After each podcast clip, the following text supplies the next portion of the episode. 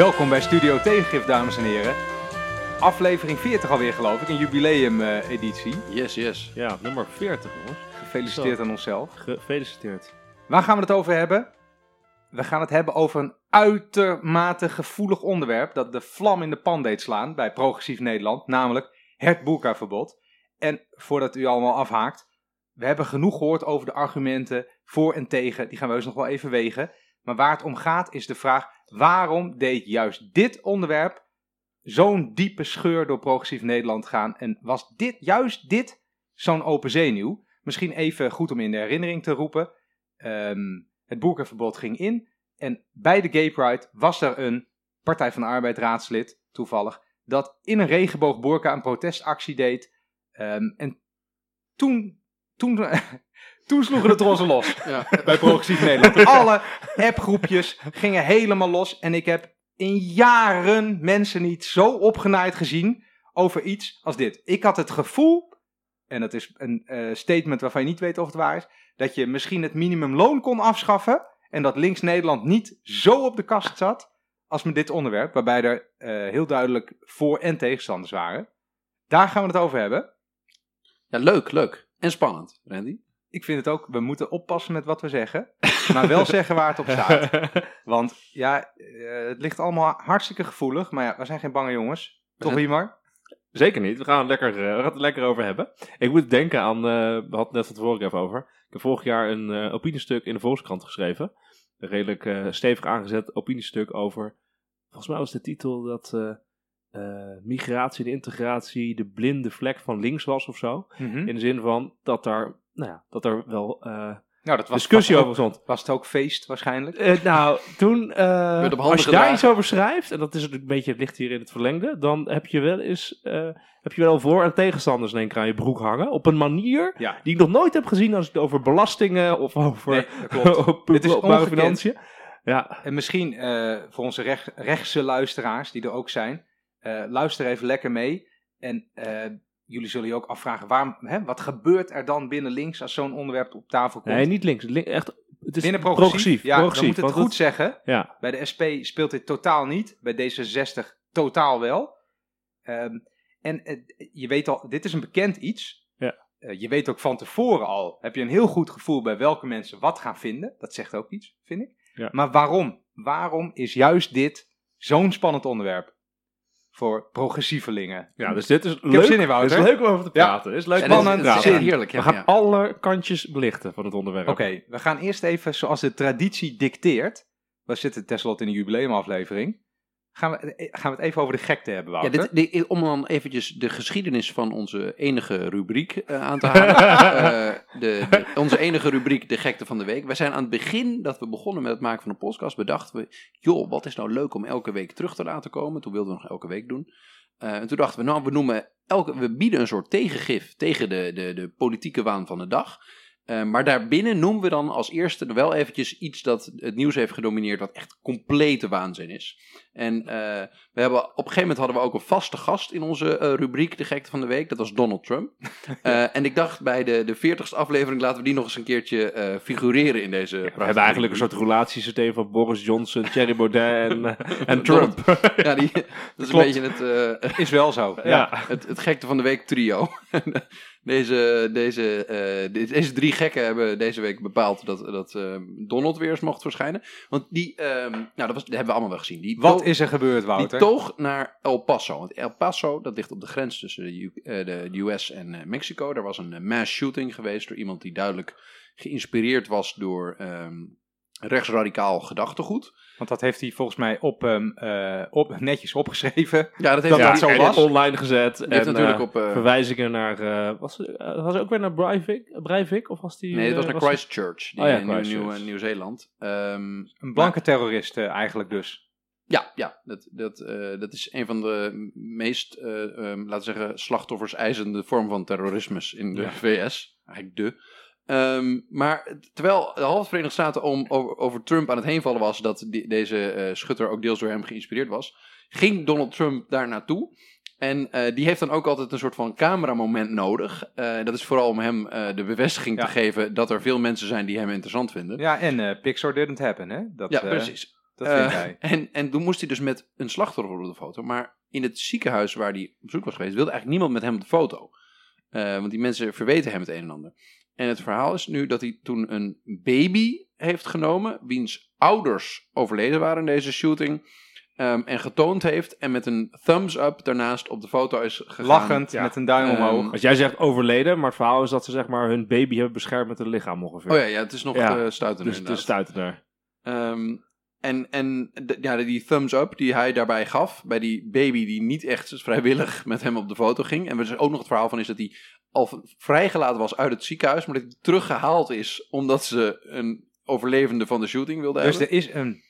Om, wacht even, Ja, Wouter, dat ik je goed begrijp. Dus alle overlevenden hebben geweigerd om met president Trump op de foto te gaan. En wat Ja. hebben ze toen gedaan? Toen hebben ze uit het weeshuis een baby, wiens ouders zijn doodgeschoten, Om hem te bij een beschermen. terroristische aanslag, geïnspireerd door eh, de woorden van president Trump, om een fotomoment te creëren waarbij hij lachend met zijn duim omhoog stond.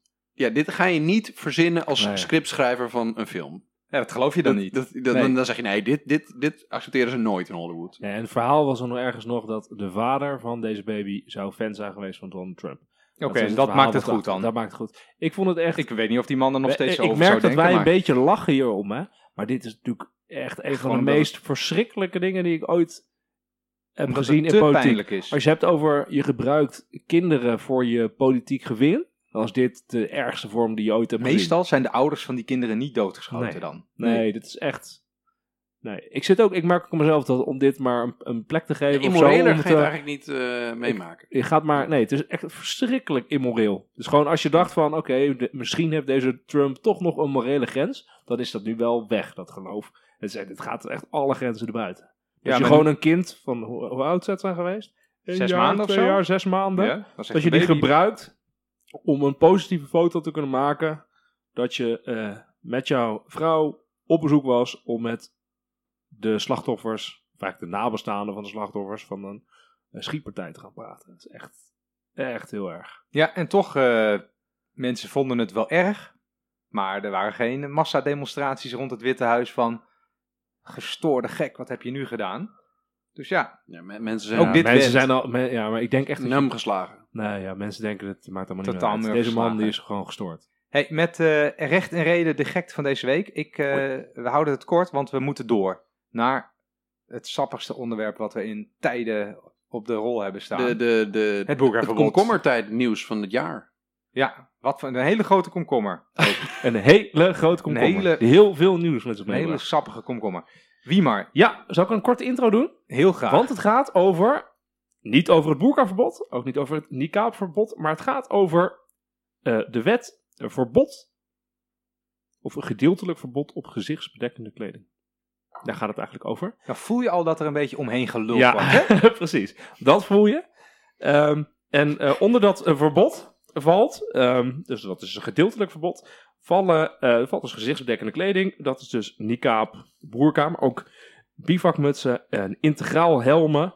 Die mag je dus niet meer dragen in, ehm, wat ze dat noemen, publieke wat, terreinen. Dus het gaat dan over ziekenhuizen, zorginstellingen, openbaar vervoer, eh Gemeentehuizen. ja, gemeente, eh, klopt, gemeentehuizen. Eh, en als je dat eh, wel doet, dan zou er een boete op kunnen staan van 150 euro per overtreding. Dat is de wet die nu ingegaan is. En het is een wet met een hele lange geschiedenis. Want de eerste die het voorstelde dat er een boekverbod moest komen, was, Verrassing, verrassing. verrassing, verrassing, U raadt het nooit. Geert Wilders in 2005, die daarmee begon. Netjes in koor, wie netjes, netjes. En daarna eh, zijn een aantal initiatiefwetten geweest. Ze hebben het allemaal niet gehaald. Totdat er ineens een eh, Rutte 2-regering kwam. En daarin was in het regeerakkoord opgenomen dat er dus een eh, gedeeltelijk verbod ging komen. Ronald Plasterk was toen minister van Binnenlandse Zaken. En die heeft de eerste versie van de wet door de Tweede Kamer gekregen. Met de argumentatie dat je dus open communicatie tussen burgers moet hebben. Dat dat van grootste belang is. Ehm, en uiteindelijk werd die wet aangenomen door een, in de Tweede Kamer door een hele, hele grote eh, meerderheid. En eigenlijk de, eh, Iedereen behalve twee partijen. ja, eh, in ieder geval GroenLinks en D66 stemden tegen. Als het hebben over progressief Nederland. PvdA stemde daarvoor, SP stemde daarvoor, Partij voor de Dieren stemde daarvoor. Voor het verbod, voor, Voor de het duidelijkheid. verbod. Voor het verbod. Alleen GroenLinks en D66 dus tegen. Ehm, en toen heeft hij natuurlijk een tijdje op een ministerie gelegen, of bij de Eerste Kamer gelegen. En toen heeft in 2018, onder de beziende leiding van minister Ollongren, eh, heeft de Eerste Kamer ermee gestemd. En de Eerste Kamer, de Eerste Kamer eh, heeft eh, daar ook in de grote meerderheid ingestemd. En de enige die daar tegen waren, waren weer GroenLinks en D66, dus zeer consequent. Maar nu waren ook de SP en de Partij van de Arbeid waren tegen. Die zijn van gedachten veranderd. zijn van gedachten veranderd in die twee, die twee jaar. En toen werd het wet, de wet werd dus een eh, feit, zou ingevoerd worden op 1 juli. Maar dat was een grote lastigheid, want ja, eh, er waren vakanties, schoolvakanties zouden ingevoerd worden tijdens eh, het jaar van, het, van, het school, van de school. Dus is gezegd, gaan per 1 augustus het in laten gaan. Dan hoef je niet in het schooljaar daarvoor nog aan het eind een beetje moeilijke dingen te doen elkaar. Je zit mij aan te kijken, dat wist jij Ja, niet. nee, dat zijn allemaal Nee. nuances die aan mij Nee, die- verloren gaan. Zodat het nu dus aan het begin van het schooljaar iedereen zich erop kan voorbereiden. Dus, Oké, dit is de wetsgeschiedenis. En nu is het interessante, we zijn dus al 10, 15 jaar mee bezig. Blijkt dat er in Nederland een hele duidelijke meerderheid bestaat die voor dit verbod is. Dat is als je gewoon onderzoek, statistisch Als onderzoek je, onder als je Maries de Hond dus onderzoek laat doen, misschien zou ik kunnen zeggen wat mijn bron is, blijkt dat de, de ongeveer, ongeveer 73% ehm, van de Nederlanders voor het verbod is. 20% is tegen en 7% weet het niet. Dus er is ongeveer driekwart van de bevolking is tegen. Maar het interessante is dat dus in progressief linksig Nederland, om het even op één hoop te gooien, zie je dat bij GroenLinks slechts 29% voor is. Bij Andersom D66 dus. Voor het verbod, hè? eh, ja, dus 29% is voor het verbod. Dus een overgrote meerderheid van GroenLinks is tegen het verbod. Hè? Ja. Bij D66 is de helft voor en de helft tegen. Bij de PvdA is 54% voor en dus een hele grote minderheid tegen. En bij de SP is 74% voor en dus een kleinere minderheid eh, tegen. Dus dat is een beetje het speelveld hoe het ligt. En dan is nu natuurlijk de grote vraag.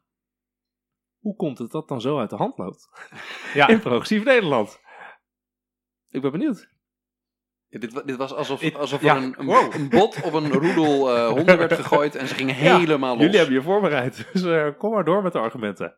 Ja, ik, eh, ik heb even gegoogeld naar columns die hierover geschreven zijn. Dat is, biedt altijd wat mooie heb je ze inspiratie. alle 500 gelezen. Nou, de- laat ik het zo zeggen. Er zijn meer columns over geschreven dan goed is eh, voor een land, denk ik. Ik heb ook echt, ik, ik heb me op de meest obscure platform eh, begeven om eh, columns hierover te lezen. Ja, ik, ik, Ja, ja, ik, ja. Ben, ik schrijf zelf als een column, maar eh, eigenlijk heb ik het niet zo op columnisten. Want het is vaak van dat domme gelul. Zo moet ik dit ook niet introduceren. Ik ga nu een paar hele belangrijke fragmenten uit columns Oké, wat vond men? Ehm Uskan Akjol. Wat schrijft hij? Ons kabinet heeft een wet in het leven geroepen dat een signaal moest afgeven tegen terreinwinst van de islam in ons dagelijks leven. Maar dat werd niet eerlijk gecommuniceerd. Ik sla de bladzijde even om. Wat heet, om het verwijt van discriminatie voor te zijn, werden ook bivakmutsen en integraalhelmen in het artikeltje gestopt. Dat is een, eh einde het citaat, dat is een goed punt. Want wie maar wat jij net Ja. niet vertelde, was dat ehm, carnavalskleding en dergelijke Ja, is weer uitgesloten van dit verbod. Klopt. Iets en je waar- mag het ook trouwens, je mag dan ook eh, al deze zaken mag je dan wel weer dragen op het moment dat het nodig is voor je veiligheid of voor je werk of eh, Een voor bivakmuts, al, ja. als het gepast is op een bepaalde maar niet in religieuze een dag. Ehm, eh, maar je mag de, carnaval mag het dan weer wel. Klopt. En dat, dat, dat, het, zeg maar, dat allerlei andere eh, gezichtsbedekkende kleding erbij wordt gehaald om eh, dit eh, zeg maar stand te laten houden voor de, voor de hoogste rechter, dat is natuurlijk 100% waar. De Raad van State die maakt het ook kapot, hè, dit wetsvoorstel. Die was tegen. Oké, bewaar dat even, Ja? want dit was pas één van de 500 columns. René Cuperus, onze vriend. Vriend van de podcast. Vriend van de podcast in een van de vorige afleveringen. Ehm, tegenstanders van de boerka kwamen in hun rechtsstatelijk verweer niet veel verder dan eng. Ehm, en vervolgens zegt hij... Schandalig dat Amnesty International in het dragen van de niqab en de boerka opeens een onvervreemdbaar mensenrecht meende te moeten zien. Dat klopt. Amnesty International die kwam juist heel stevig op de bres voor het recht om een boerka te dragen. Ook dat, dat geeft trouwens al wel aan dat dit een heel principieel punt is. Hè? Want in Iran strijden ze tegen de boerka en in Nederland strijden ze dan voor de boerka. Dus blijkbaar gaat het niet om de burka, maar er ligt hier een heel belangrijk principe achter. Ja, dit is bijna een filosofische discussie over het mensbeeld en over ons samenlevingstype. Het gaat allemaal door elkaar. Dat gaan we allemaal rustig behandelen. Ja, ik merk dat we allemaal staan te trappelen om het allemaal in te gooien. Elma Draaier, ehm, in Trouw geloof ik, schrijft hij. eh, zie de reacties op de gênante aandachtstrekkerij van het Amsterdamse PvdA-raadslid Hendrik Jan Biemond, zo heet hij blijkbaar. Die, die, is de, die, die vindt dat belachelijk dus. Wat zegt ze daarover? Ehm, oh, verder niks. Wat, ze, ze, haalt Joke Smit aan. Ehm, bekend feministe, geloof ik. Een beetje van voor onze tijd. Eh, die, die had er geen goed woord voor over. Een sluier schreef ze. Staat voor het recht op verstoting. Voor geïnstitutionaliseerde jaloezie tussen vrouwen. Voor het wegsnijden van erotische verlangens. Dit gaat wel van, van Dikhout hoor. Voor het vormen van apartheid. Die hopelijk minder gewelddadig zal zijn dan in Zuid-Afrika. Maar vermoedelijk nog dieper ingrijpen in het leven van mensen. Nou, Elmer Dat schreef ze in de Volkskrant. Dat is Oh, pardon, in de Volkskrant. Die vond het vreselijk.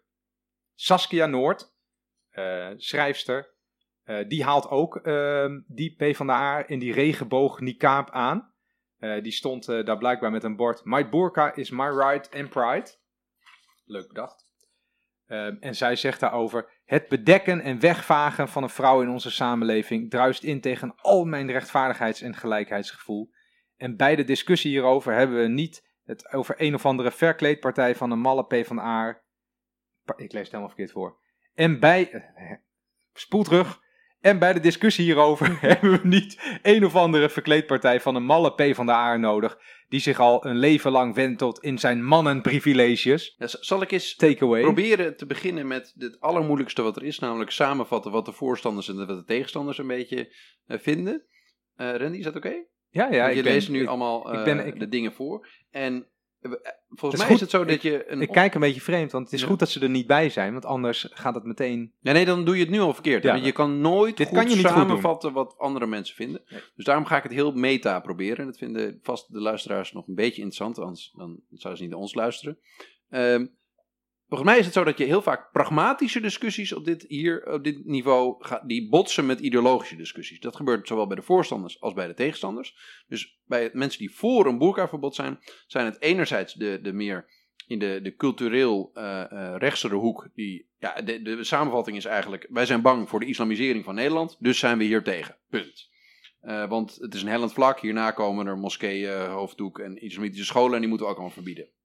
Ehm, dat is eigenlijk een, een soort van een angst waarvan aan de andere kant weer zal beweren van ja, die kan je niet hard maken, dat is, dat is niet zeker. Is het dan Ehm, pragmatisch of ideologisch? Dit, dit is in mijn ogen nog, nog redelijk pragmatisch. Oké. Ehm, maar die ideologische eh, eh, grond die daaronder zit, zegt niet van oké, er is zo'n hellend vlak en het zal alleen maar erger worden, ehm, want na de boerka komt dit en dit. Dat zijn meer de mensen die stellen van eh, de boerka is gerelateerd aan de islam. Dat is een club die democratie en, en, en tolerantie afwijst. En deze kan je dus nooit een kans geven, eh, omdat het, weet je wel, Karl Popper, eh, ehm, als je de intoleranten tolereert, dan zet je de deuren open toch voor nog meer intolerantie.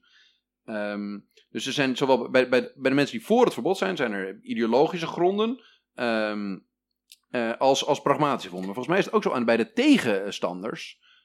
zijn er ideologische gronden. De tegenstanders van het verbod. Ja, ja, dit dus blijft die zeggen, je moet het niet verbieden. Ehm, eh, en dit, of mensen die hun argumenten als pragmatisch verhullen. Van iedereen, iedereen's individuele vrijheid staat voorop. Punt. Ehm, en of, de eh, ideologisch misschien meer. De staat moet neutraal zijn. Ehm, of de staat mag niet bepalen wat ik aantrek. In mijn, eh, mijn, nog praktischer gezien. Ehm, en het gekke is dat, dat ik denk dat het meer splijt op links, is omdat beide partijen eigenlijk dezelfde waarden delen, maar die op een andere manier aan het invullen zijn. Is dit een beetje begrijpelijk? Ja. Is dit. Ik- Kijk, weet je wat ik dacht? Stel je voor, eh, ik neem altijd aan dat alle kampen die dan ontstaan, dat die in volstrekte oprechtheid en goede bedoelingen vinden wat ze vinden. Kan het, bedoel jij dat misschien Wouter? Kan het zijn dat zowel de voor- als de tegenstanders van het verbod, eh, dat er sprake is van een meningsverschil wat leidt tot de grootste en de beste vrijheid? In de Ja. zin dat de mensen die zeggen je moet het verbieden, want ehm, wij, hebben, wij bereiken de grootst mogelijke vrijheid wanneer de overheid via de politiek normen stelt waar we ons allemaal aan moeten houden. En daar zijn we dan ook door beschermd. En misschien worden deze vrouwen onderdrukt, dus verbieden. En dat de tegenpartij zegt, dus de mensen die tegen het verbod zijn, die zeggen: Ja, maar het allerbelangrijkste goed is juist die individuele vrijheid om te doen wat je wil. En je, en je schaadt een ander niet door een boerka te dragen, wat je misschien wel hebt bij roken in een bus of zo, weet ik veel, hè? Dus eh, je mag het niet verbieden.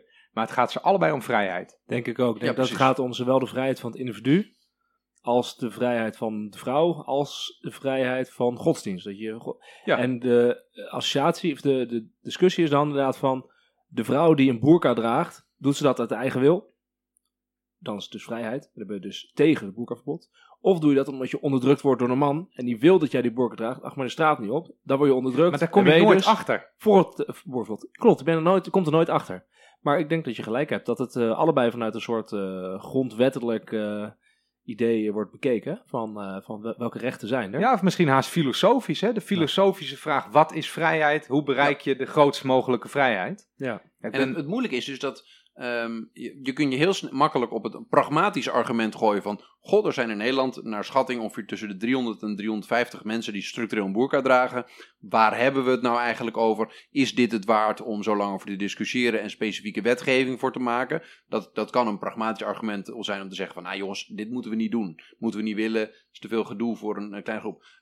De andere groep kan zeggen, ja maar ho eens even, dit, dit is echt een serieuze bedreiging voor onze, nou, onze, het goed functioneren van onze maatschappij. En we kunnen prima op culturele eh, gronden eh, eh, beperkingen stellen aan hoe iemand in het openbaar verschijnt. Ehm, eh, en, en dat u dan zegt dat het niet belangrijk is. Natuurlijk is het wel belangrijk, want dit, dit kunnen er zoveel meer worden. En dit is een toonbeeld van onderdrukking. Eh, dat wil ik niet. Dus de- eigenlijk beide groepen beroepen zich op, op die, die vrijheid waar wie Martin net over had. Dat, dat ze die, die voorstaan. Hetzelfde geldt voor vrouwenrechten. Ook breide groepen menen voor vrouwenrechten te Ja. staan. Ja, Ik denk dus dat, dat is, Ja. ik vind dus mooi dat, eh dat inderdaad, eh, volgens mij wat heel belangrijk is, is dus het humanistisch gedachtegoed. En, van oké, de mens staat centraal. Ja, het gaat kent het over niet? de reden, de reden, de vrijheid van het individu. Eh, dat is een hele belangrijke eh, eh, gedachtegoed voor zowel, ik dacht eigenlijk vooral voor de tegenstanders van het boerkaverbod.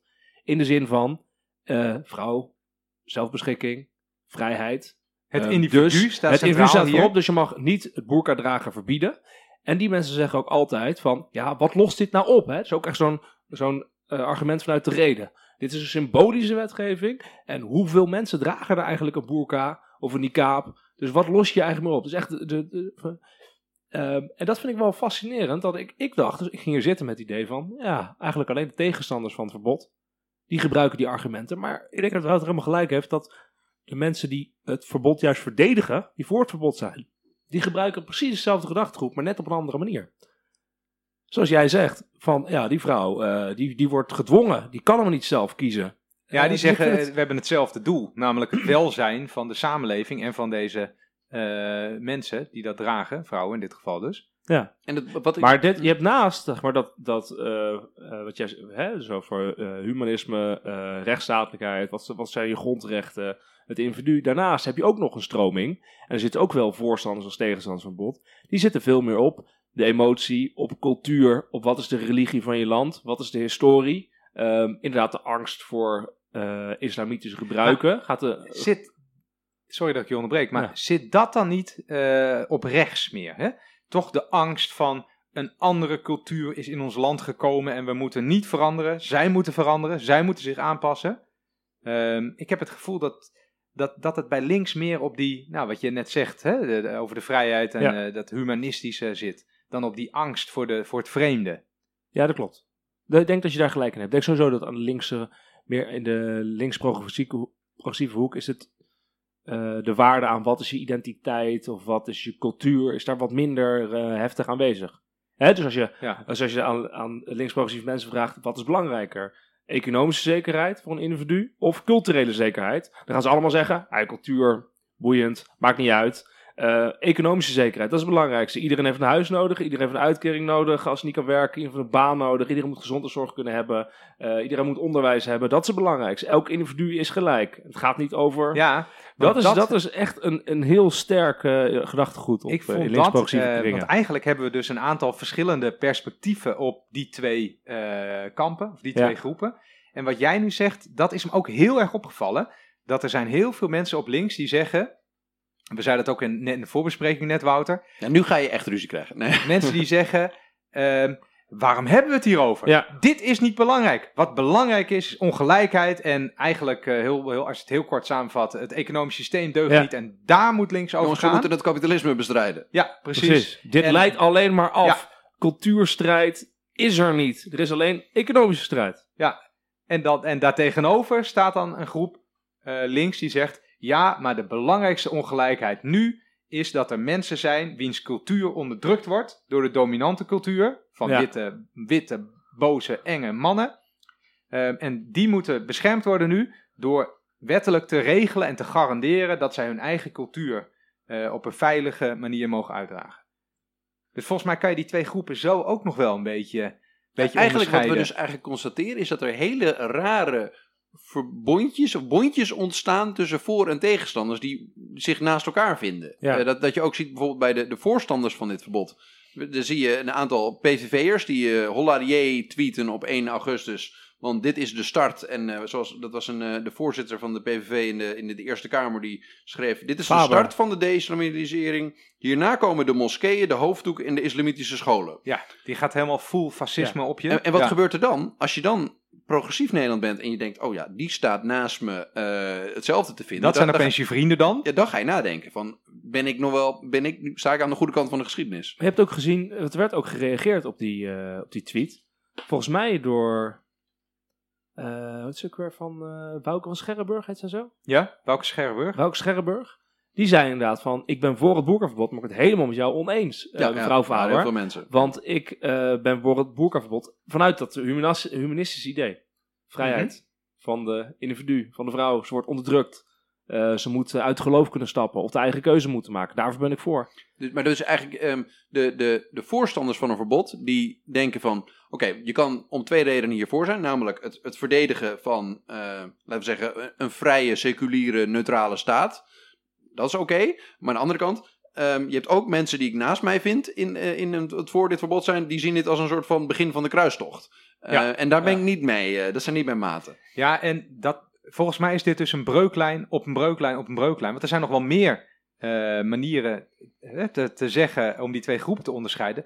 Namelijk, er is ook binnen Progressief Nederland een meningsverschil over hoe de integratie van deze groepen het beste kan worden aangepakt. Gaan we even de ramen dicht doen? Het eh, is een beetje aan het onweren en aan het regenen, dus ga even de ramen dicht doen. Net als deze discussie wordt eh, hier eh, de boel gespleit door het onweer. dat er, een er is een meningsverschil binnen Progressief Nederland over hoe de integratie van nieuwkomers, die natuurlijk al lang geen nieuwkomers meer zijn, het beste kan worden aangepakt. Ik denk, eh, hè, er is dus een groep die zegt, je moet, eh, je moet mensen gewoon hun eigen cultuur laten houden en dan op den duur groeien ze er wel in of zo. Hè? Eh, gaat allemaal goed. Eh, daar hoef je niks voor te doen, gaat vanzelf goed. En je hebt een deel die zegt, eh, wij, je moet mensen toch normen meegeven en de Nederlandse normen eh, moeten leidend zijn en heel veel kan, maar op een gegeven moment moet je een beetje bijsturen en de boerka is precies dat punt. En ik denk dat, daar, dat dat ook wel een interessant onderscheid is, in de zin dat je hebt het natuurlijk niet meer over nieuwkomers. Je hebt het gewoon over mensen die derde, vierde, vijfde generatie zijn. Ehm, sterker nog, de dragers eh, van boerka's. Ik heb de cijfers niet op een rij, Wouter, maar volgens mij dit ook een discussie waarin het alleen over meningen gaat. Ja, ja, het, Dan- is, maakt niet uit. Je hoort wel eens dat de dragers vooral bekeerlingen zijn. Dus dat dat überhaupt helemaal geen eh allochtonen of immigranten of mensen met een immigratieachtergrond, moet je zeggen, geloof ik, zijn. En Ja, dit, de- is, dit is ook nog een meningsverschil wat leeft. Dus hoe Zo- ga je... Sowieso, hoe groot is dit? Als je hebt over eh, die, die, die, die rationele aanpak hier van hoe groot is dit probleem eigenlijk? Dat, dat is inderdaad fascinerend. Hè? Blijkbaar doet dat er Want- niet toe. Nee. Blijkbaar doet het niet toe, maar jij zei voor de uitzending dat je zei 100 of 200 Nee, het is Niqab- gewoon 300 tot boerkadragers? 350 mensen. Ja, in het land 300 die tot dat structureel 350. dragen. Dus dat is natuurlijk eh, qua ehm eh, Je hoeveelheid mensen een zeer beperkt eh, probleem. Was ook interessant. Hier in Den Haag had je bij de Koekamp, dus een, eh, bij het Malieveld, te snappen we. Had je een, eh, een demonstratie. Zo'n klein malieveldje eigenlijk. Klein Malieveld. Ehm, een demonstratie van de mensen die dus vonden dat het verbod eh, eh, verschrikkelijk was. Eh, en daar stonden dus uiteindelijk, als ik het goed begreep, stonden daar dus 30 eh, gesluierde mensen. En het fascinerende was dat, als je een beetje berekent, ehm, de organisatie had al 25 eh, niqabs zelf besteld en aan vrijwilligers uitgedeeld. Eh, die waren al eh, besteld Hoe- om hoe, daarmee eh, rond te gaan lopen. Hoe Dus weten we dit interessante feit eigenlijk? eh, Algemeen Dagblad had het geïnterviewd en eh, nog een paar andere kranten. Dus blijkbaar stonden er van die 30 maar vijf, dat is wel een beetje ruimschatten, misschien 10 mensen die daadwerkelijk eh, elke dag in niqab rondlopen. Ik denk dat demonstreren ook niet echt goed aansluit bij deze levensbeschouwing. Nee, dat denk ik ook. Dus dit, je zou zeggen dat de lage opkomst van deze demonstratie zou een blijk kunnen zijn eh, van de onvrijheid waarin de gemiddelde boerkadraagster Ja. eh, verkeert, doordat het niet... ja, mogen niet- protesteren. Het was trouwens wel heftig, want zij stonden dus bij eh, volgens mij het, het ehm, eh, monument, volgens mij het, eh, het homo-monument, zeg maar, voor de rechten van, van homoseksuelen. Daar waren ze ook aan het, aan het protesteren. Dus dat maakt ook een soort rare dynamiek. eh. Oh, dat is dat Los. beeld eh, daar. beeld, Oh, dat die- schreeuw. helemaal niet. ja. Ja, fascinerend. Er stonden ook wat. Ik heb alleen de foto's gekeken. Ik had er eigenlijk heen willen gaan, maar ik was niet in Den Haag.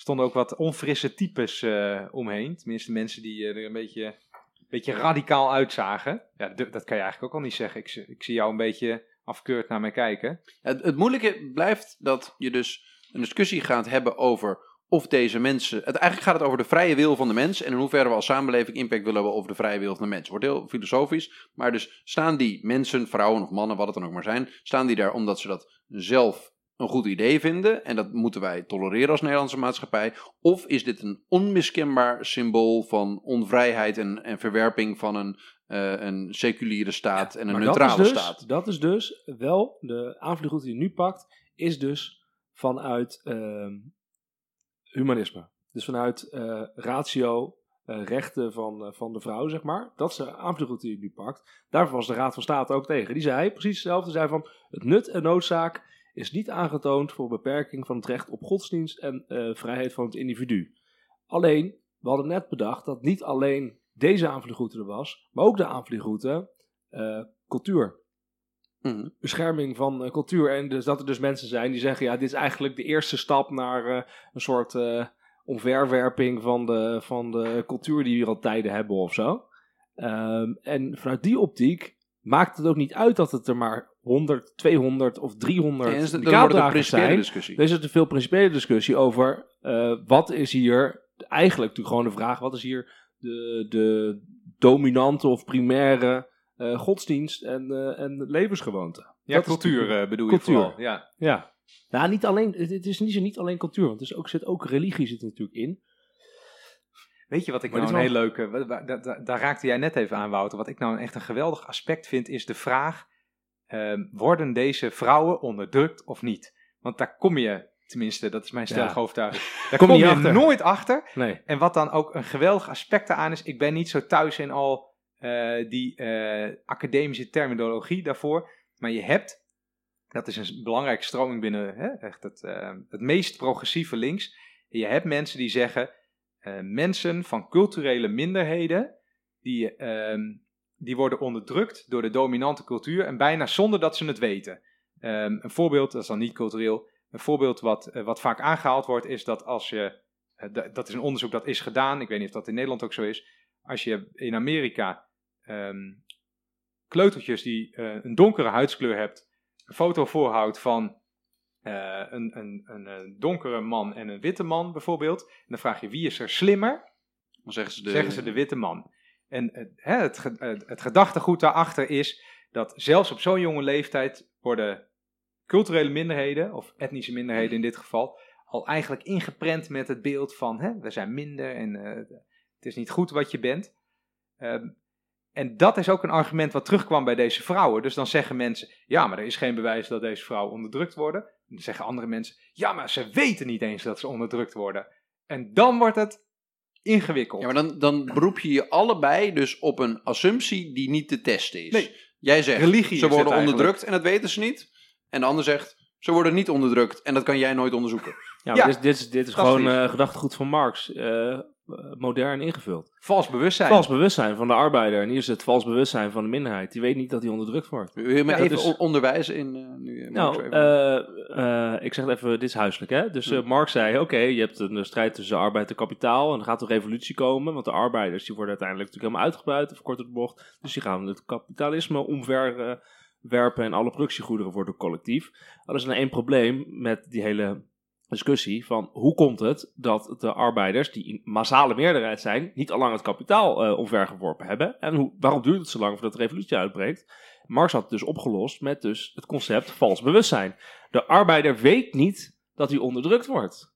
Uh, dus je moet hem aanzetten, uh, kennis geven, ehm, ja, ja, zijn bewustzijn uh, ophelderen. Jij wordt onderdrukt en je moet de kapitalist aanvallen. Dat is hier wat, eigenlijk wat er nu hier ook gebeurt. Terug naar de moslimvrouw. Ze weet niet dat ze onderdrukt wordt. Nee, dus nou, je moet... Dan kom je er nooit meer uit als mensen niet weten hoe het zit. ik denk dat het... Waar het, waar, waar het Fascinerend. Waar het echt moeilijk wordt voor, voor progressieve mensen, is dat...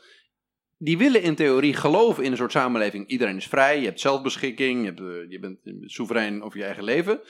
Maar iedereen voelt wel aan dat hier dat toch een beetje aan het wringen is.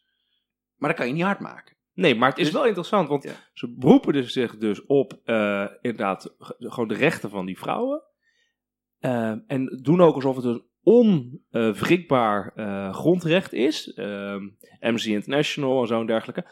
Alleen fascinerend is natuurlijk dat in de landen om ons heen is dit verbod er al.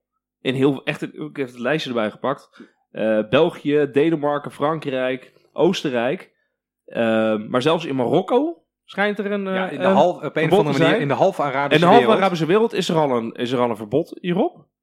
Je zou zeggen vreemd, want je bent dus je eigen cultuur of religieuze kledingdrachten aan het verbieden. Maar het fascinerende is dat het daar ook nog veel verder gaat. Hè. Dus het is daar niet alleen in publieke gebouwen of publieke gebieden. Het is de openbare ruimte daar. Je mag alleen maar thuis ja, daar een niqab of een In Marokko heb ik gelezen, ik weet niet meer waar is zelfs de verkoop van dit soort kledingstukken verboden. Ja, dus het is Opmerkelijk. fascinerend wat hier gebeurt. Want wij, we zien dus hier dat uh, als je kijkt dus naar, nou 73% van Nederland is voor. En dan de links-progressieve partijen zijn gespleten, zeg maar. Er is een best wel ja, duidelijke minderheid die hier dus heel erg tegen het verbod is.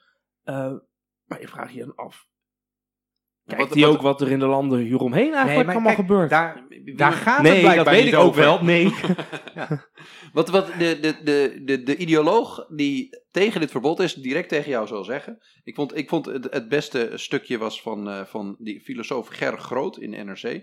Die zou direct aan jou antwoorden van, ja, jij maakt een rare vergelijking. Want die landen die je daar opzomt, die hebben nogal een traditie van cultureel ingrijpen in de vrijheden van mensen. Nee joh, Frankrijk. De, de, Frankrijk is de grondlegger ik, wilde, van, zeg maar, de, de, de, de, de, de rechtsstaat. En de, okay. Ik wilde je verhaal over Marokko uh, natuurlijk. En, oh. en, in, en in Frankrijk ja. zou die stellen, is het ook ingegeven niet uit ideologische of pragmatische gronden, maar is het gewoon, jemig, we zien in die banlieues uh, de, de, ja, de, radicalisering toenemen.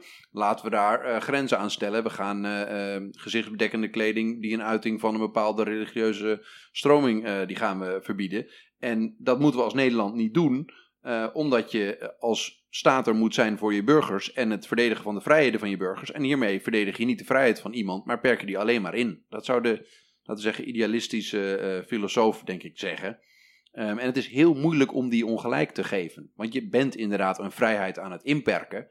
Um, maar hij gelooft dus niet. Hè, dus eh, je hebt, dit is dus weer vanuit dus humanistische invalshoek. Hij gelooft dus niet dat er dus uh, onderscheid tussen culturen is. En dat er dus een bepaalde groepen in het land zijn die bepaalde culturele zekerheid nodig hebben. Hij gelooft daar dus totaal niet in.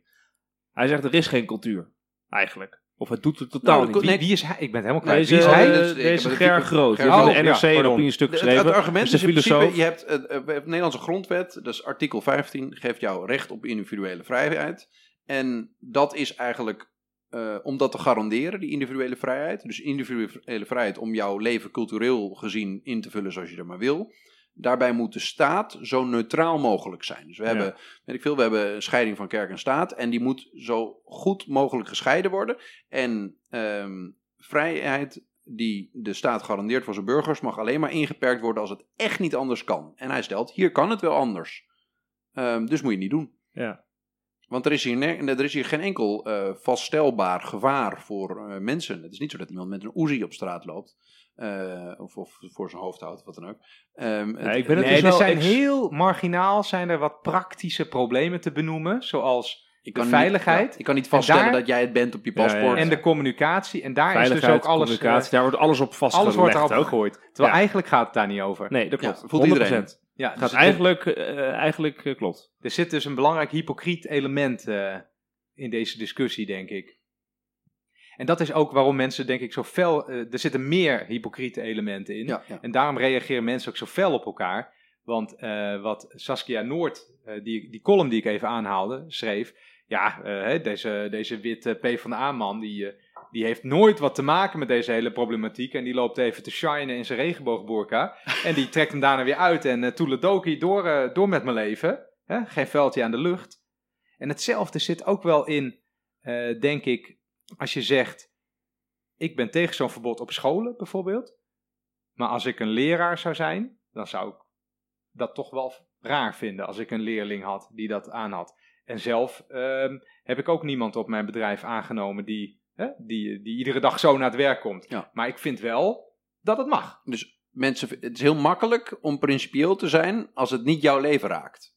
Nee, het is een totaal abstracte discussie voor bijna iedereen die eraan meedoet. Ja, zelfs voor deze eh, Omdat die niemand... filosoof die je net noemt, die Ger Groot, die zelf een theoretisch goed argument maakt van liberale rechtsstaat, een grondwet en vrijheid van godsdienst en dergelijke. Alleen wat ik lastig vind erbij is dat de hele ontstaansgeschiedenis van dat hele concept is natuurlijk gekomen in een overwegend christelijk eh, Europa. En als jij een vrijheid van godsdienst hebt en eh, eh, Toen waren die er eigenlijk problemen nog theoretischer, bedoel je? eh, Nou ja, eh, het was toen makkelijker om dit vol te houden. In de zin dat je had, eh, die zijn alleen maar christenen. Dus je had zeg maar de katholieken en de protestanten en misschien nog wat andere groepen die elkaar de tent uitvochten. Maar ze geloofden allemaal tenminste nog in dezelfde god, zeg maar. Hè? Kort door de bocht. Nu ineens ehm, kom je in een, in een veel diversere samenleving terecht met hele andere soort godsdiensten, hele andere soort gebruiken. Waardoor dus die, die artikelen onder druk komen te staan. Omdat de verschillen tussen de mensen met wie je ze, voor, wie ze wil, op wie ze wil toepassen, groter worden. Dat zie je dus zelf bij die, Ja. bij die Haga, eh, Haga College discussie. Dat je ineens denkt van, hé, hey, eh, vrijheid voor onderwijs, eh, vrijheid van godsdienst. En toch gaat daar iets schuren. Dat zie je hier ook terug. Ik kan hier een heel eind in meegaan, maar het is ook wel zo dat mensen vroeger, dat, dat er vroeger protestanten waren die katholieken als zo ongeveer duivelsaanbidders zagen. Ja, ja. Eh, en dat ze in Amerika vroeger de Ieren, hè, uit Ierland bedoel ik dan, echt als nou, het was echt eh, ongeveer het ergste wat Amerika Ja, ik denk dat het heel lastig is om, voor ons om vast te stellen wat de historische parallellen zijn in, in tijden waarop men in het verleden misschien anders tegen andere religies hebben aangekeken.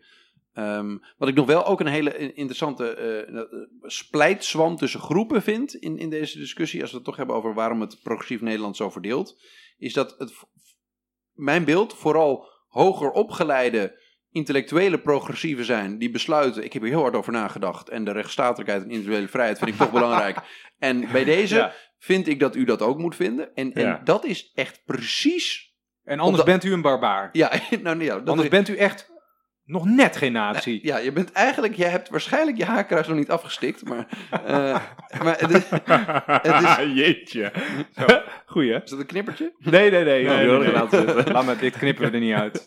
Ehm, maar wat, wat, eh, wat, wat, dus die groepen, die, die, die eh, filosofen die er hard hebben nagedacht, die zeggen eigenlijk tegen de mensen die enigszins beangstigd zijn voor globalisering en, en de ander in het algemeen van, ja, jij snapt mij niet, want jij snapt sowieso niks van de rechtsstaat.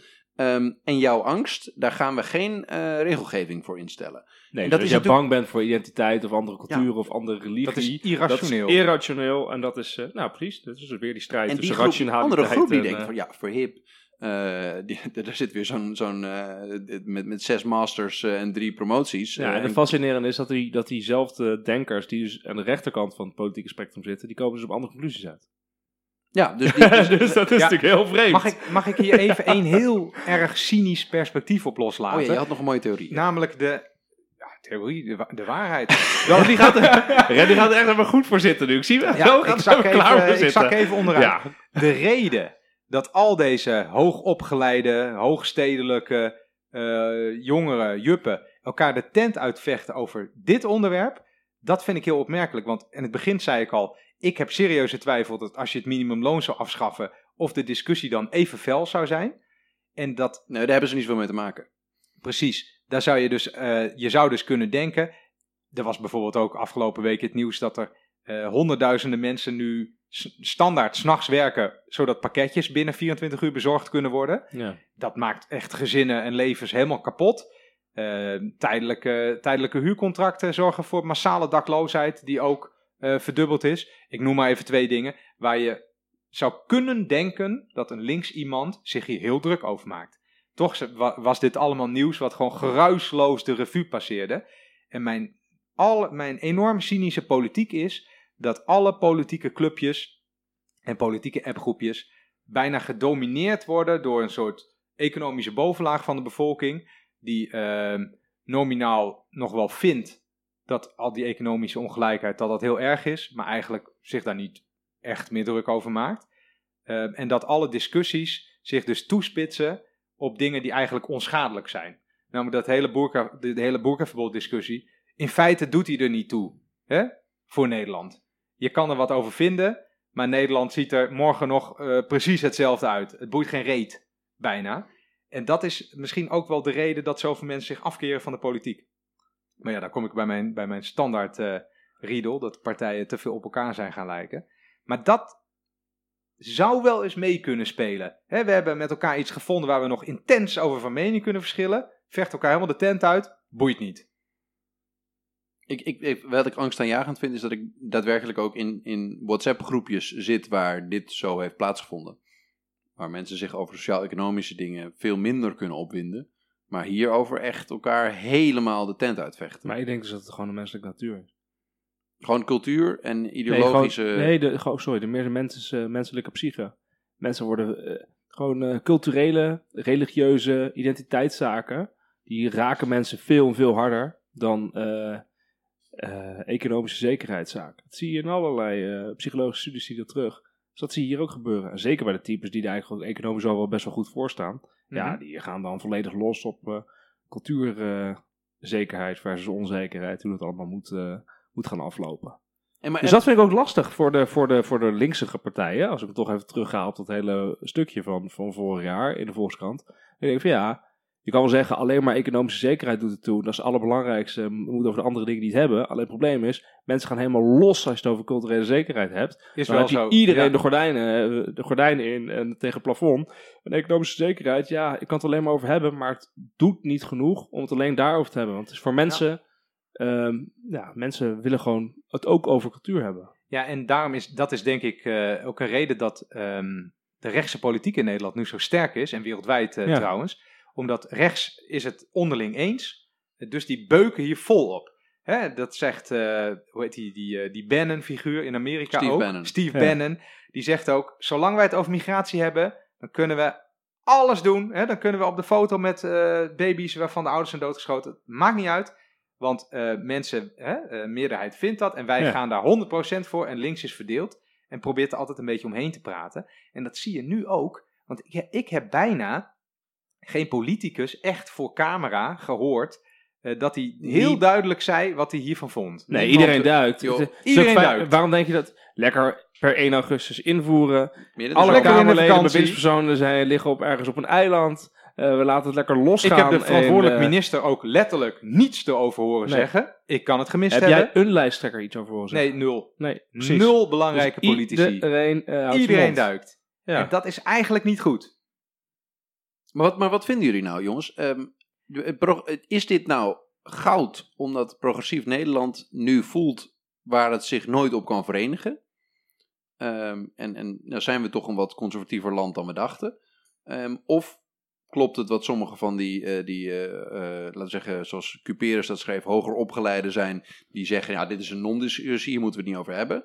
Of, ja, of is dit een soort van zeer... ja, dat wat aan- interessant natuurlijk is, dat de grote, als je gewoon naar alle opinies en dergelijke kijkt, en alle peilingen en alle onderzoeken, blijkt gewoon dat het een heel groot gedeelte van Nederland zich zorgen maakt over samenlevingsvraagstukken.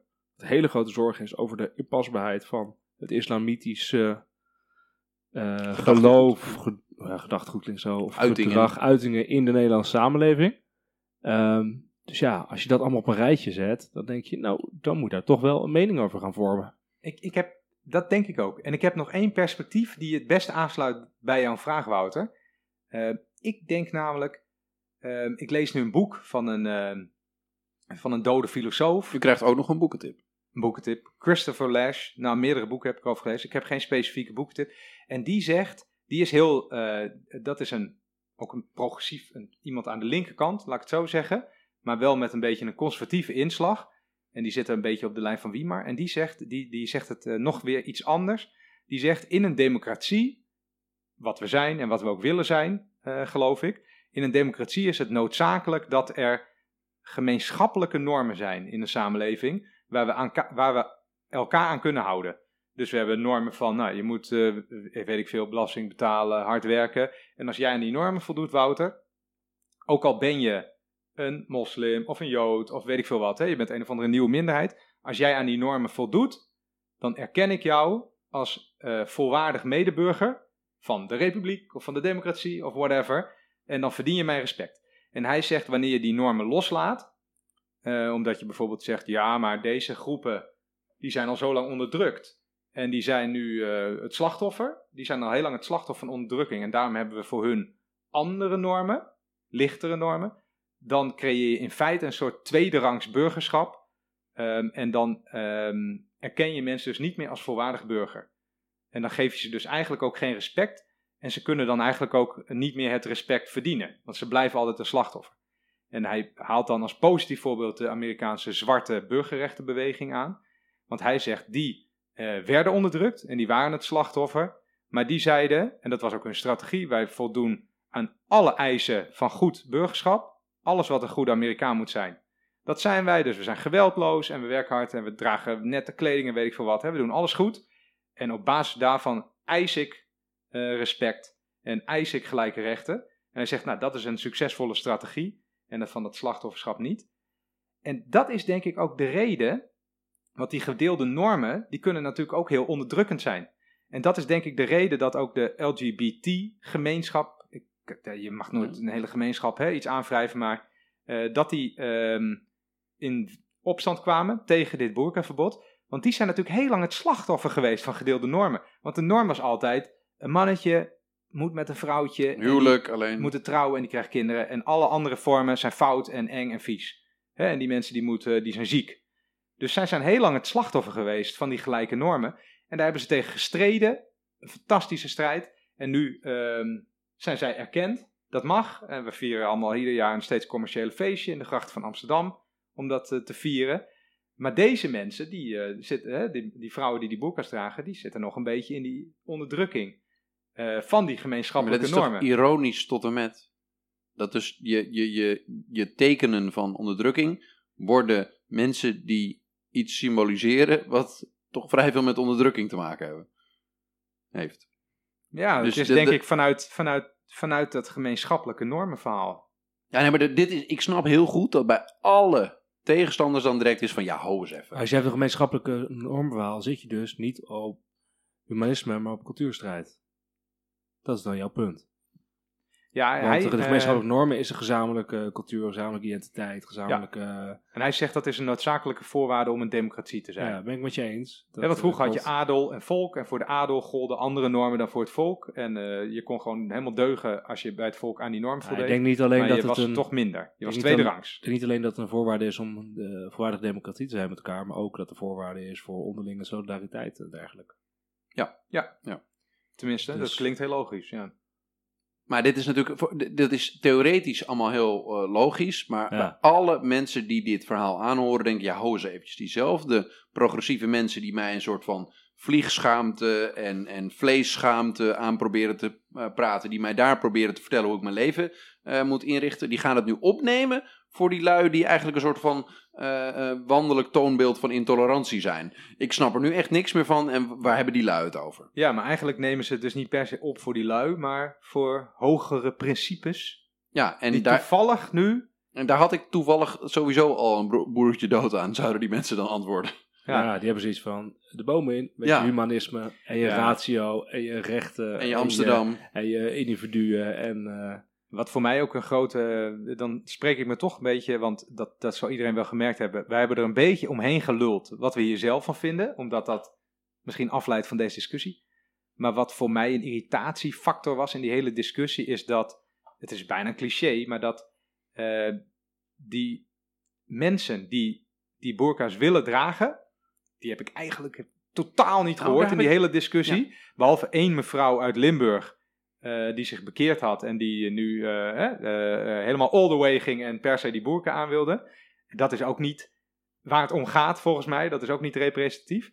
En wat mij dus irri- dat irriteerde mij. En wat mij ook irriteerde was dan, ehm, ja, je kan het alleen in vorm van clichés zeggen, hoogopgeleide witte mensen uit de grote steden die zich dan opwierpen als de woordvoerders van deze groepen. Eh, en die geen enkele connectie hadden met die groep verder. Ze werken er niet mee, ze wonen er niet mee, ze Ja, kennen ze niet. En toch optreden als woordvoerder en belangenbehartiger. Olie op het vuur voor de tegenstanders. Ja, dat, dat, is, dat, dat hitste de boel natuurlijk nog verder op. Ja, Volgens mij hebben we de discussie redelijk, ja, ik denk wel omschreven. Ik ben heel benieuwd, jongens. Wat, eh, eh, ja, of, of, we- of we nou dingen eh, grootschalig vergeten zijn. Volgens mij hebben we wel redelijk omvattende discussie weten te brouwen. Denk jullie? Denk jij, Biemer? Volgens mij ook. Er zijn eh, enorme concepten uitgelegd, joh. Vals bewustzijn van Marx Ja, toegepast. ik vind het lekker nieuwe- dat het nog eens langskomt. Deze Ja. situatie. We hebben is- economische zekerheid versus culturele zekerheid neergezet als, eh, als waarde. We hebben het gehad over Rechtsstatelijkheid, rechtsstatelijkheid, grondwet. grondwet versus een soort het is het, biologie of emotie manier van redeneren. Gebaseerd op identiteit, de, de angst voor het vreemde. Is wel... eh, Ik ben heel, ik wil toch, ik ga even een oproep doen. Ik ben heel benieuwd naar ehm, zowel mensen die heel duidelijk in deze discussie staan, als mensen die zeggen, nou, ik ben gewoon geïnteresseerd in wat de meningen allemaal zijn. Of ze dit een beetje een helder verhaal vonden. Dus, dus geef vooral feedback aan eh, de drie heren die u hier eh hoorde praten. Toch? Ja, want eigenlijk zijn wij natuurlijk echt de minst aangewezen persoon om over te hebben. Nou, want zo. wie moet je zijn, wie moet je zijn dat voordat je dus- het hierover mag hebben? dat is, het is interessant dat de, alle columnisten en mensen die we net hebben voorgelezen, zijn, eh, zijn die zin natuurlijk, eh, inderdaad wat je zegt, eh grachtengordel, blanke Mhm. mannen, blanke vrouwen, hoog opgeleid. eh, Er zijn heel vaak, weinig opiniebladen voor ja, boerkadragers ja, ja, te vinden. Dus er zijn weinig mensen die er enigszins uit zeg maar, die contraien komen die zoveel gezegd hebben. ja, ik, denk ik ben ook, er zelf, ik vind het zelf kul argument. Ik vind, je moet overal mening over kunnen hebben. Niet, het is een beetje raar op het moment dat je alleen een mening kan hebben over iets, op het moment dat je het jezelf eh overkomt, zeg maar. Hè? Dat vind ik raar. Nee, dat is zo, maar toch. Dus het, is ook, het maakt het ook een beetje absurd dat waarschijnlijk de helft van die columnisten heeft in de afgelopen vijf jaar niemand in een boerka gezien lopen in het echt. En Precies. Toch, en toch En is het het een heftig Malieveld- onderwerp. Van die 30 waren dus 25 mensen die dus een handicap of een boerka van de organisatie aan hadden. Om even hun, eh, hun medeleven te Ja, betalen. het waren gewoon een blanke hoogopgeleide mannen. Ja, misschien wel. Misschien zat er een man onder, ja. ja, prachtig. Dat zou zomaar kunnen. Nou jongens, Geweldige discussie. Laten we het hierbij laten. De komkommer eh, van deze zomer hebben we ook weer. eh, Is gefileerd. eh, gefileerd, doorgeslikt, in stukjes gesneden, geanalyseerd. Maar even, de Boerka Queen. Boerka Was dat nou- Queen? Wat? De, de Boerka Queen actie. Was het nou een goede actie of niet? Als het doel Oeh. was publiciteit, dan is het doel 100% geslaagd. Ah, ja, Van Henk-Jan eh, Biemond, die dus een jurist is, wat ik dus fascinerend vind. Hè? Want die zit dus heel erg, enorm op die, op die rechtsstatelijkheid en eh, rechten. En, eh, dus die, dat- die past precies in het plaatje waarom die voor is. Hoog opgeleid, eh grachtengordel, maar op. Maar wat vind, je, wat vind je van die actie? Met die, Ik met denk die dat vier, hij, vijf eh, met kleurtjes. Ik denk dat die lui die dat deden helemaal niet zich zo heel... Ik denk dat dat een beetje ludiek was en dat ze dachten, ha, lachen, kan het verder van elkaar staan. die hadden ook gewoon vijf bier op. Ja. Sta je dronken in je boerka Ja, aan, de, aan de gracht. Ik denk dat zij niet hadden voorzien hoe, hoe hard dit zou exploderen. En dat er dus ook helemaal geen, eh, niet, niet heel goed nagedacht was over de effecten Nee. hiervan. Ja. Maar Het is een je, beetje alsof van, eh, ja, het is wel een- van een heftigheid dat er meteen loskomt. ja, hij werd ook persoonlijk hard aangepakt. Hè? Hij was echt, die man was echt fout. Ja, Ik had het zelf niet gedaan, maar ik denk, ja, je, ben je nou echt, ja, god, ja. Ik, nou, misschien, ik vond het geen slimme actie, omdat ik denk dat er niet over nagedacht is. Had hij, had, hadden ze er goed over nagedacht van tevoren, hadden ze het wellicht niet gedaan. Het was ook de dag daarna dat, eh, dat er PvdA'ers in een rij stonden om hun handen ervan af te trekken en te beweren dat dit niet hun actie was. Ja, want daarvoor hield iedereen dus mond, hè? Of vanwege, van- vanuit Nou, het de gevoel van, fractie- hier zijn we het niet over eens met de elkaar. gemeenteraadsfractie in Amsterdam heeft het eerst nog verdedigd. Hè? Ja. Een paar keer. Totdat de wethouder uh, Marjolein Moorman zei: dit, dit, hier ben ik het Dit niet is niet goed. Niet Nee. goed. Het staat, de borg staat voor mij voor ongelijkheid tussen man en vrouw. En de onderdrukking van de vrouw. En de vrouw mag zich niet laten zien. eh, en de man mag dat wel. Dat is heel raar. Maar ik vind het wel, eh, Precies die breuklijn, hè? ja, precies Ik- een breuklijn. ik denk, ja, wat leren we hier nou van? Volgens mij gaat het dus helemaal niet om die boerka. Volgens mij leren we hiervan dat de linkse familie, die de laatste tijd steeds hechter wordt. Dus je kan zelfs- splijten op cultuur. Ja, de, eigenlijk de beste Ja. les die hieruit trekt is voor rechtse politici. Gaat niet hebben over duurzaamheid. Gaat niet hebben over economische vraagstukken. Cultuur, cultuur, cultuur. Dat weten ze al lang, Wouter. Ja. Daarom hebben ze het alleen maar over cultuur. Dus, Maar- dus het ironische is dan weer dat daaruit de les voor links is. Kappen met zo'n ruzie maken over dit soort culturele thema's. Ja. Maak een, eh, maak, Gewoon een- zorg dat je understanding hebt over Ja. hoe je hiermee omgaat. Zodat je niet iedere keer dat een of ander klein lullig flutpuntje naar voren komt. Je elkaar totaal de tent uitvecht. Want dat is wat er nu steeds gebeurt. Maar ja, je hebt in Nederland ook gewoon een grondwettelijk recht om dom te zijn. Oké, wie maar dit wordt, dit, wordt- dit wordt een andere rant. We gaan, eh, we gaan een biertje drinken. ja, we gaan bier drinken. Bedankt voor het luisteren. bedankt Bedankt voor het Yo.